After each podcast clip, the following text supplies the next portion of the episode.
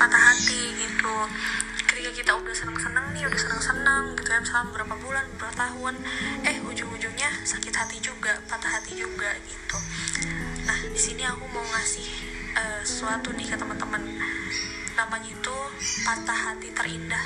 Emang ada ya? Patah hati tapi terindah gitu. Biasanya kan patah hati itu sakit banget ya. Ya kenapa aku bilang patah hati terindah? Karena ketika kamu lagi patah hati dan kamu harus yakin gitu. Gak mungkin ya ada orang yang datang ke kamu itu gak akan memberikan makna apa pun. Gak mungkin. Ketika ada orang yang datang ke kehidupan kamu ke hati kamu mau itu berapa tahun lamanya ataupun cuman sebentar gitu ya itu tuh pasti akan memberikan nilai atau hal-hal yang seharusnya bisa kamu ambil gitu dari sana.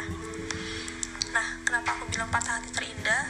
Jadi ketika lagi patah hati ayo tumbuh. Jangan cuma move on tapi harus move up. Bertumbuh gitu. Jangan cuma move on jangan cuma bergerak tapi kita harus bertumbuh. Dan kenapa sih uh, ketika kita lagi patah hati gitu ya. Emangnya ada apa? Kenapa sih bisa sesakit itu? Karena pencipta kita aja tuh udah bilang Allah itu tidak menjadikan bagi seseorang dua hati dalam rongganya. Menyiratkan bahwa di dalam diri manusia jika hati tertingginya itu hanya bisa diisi oleh satu zat. Kalau bukan penciptanya berarti ada yang lainnya.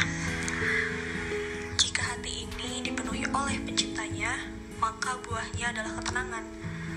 Sebaliknya jika hati ini dipenuhi oleh selainnya maka buahnya adalah kegelisahan. Jika kamu lagi terjebak di suatu kondisi yang membuat kamu gelisah balikin semuanya ke pencipta hati itu. Terima keadaannya karena malam pun tak pernah menghina takdirnya menjadi gelap daun pun tak pernah marah kepada angin yang membuat dia terjatuh dari ranting pohonnya.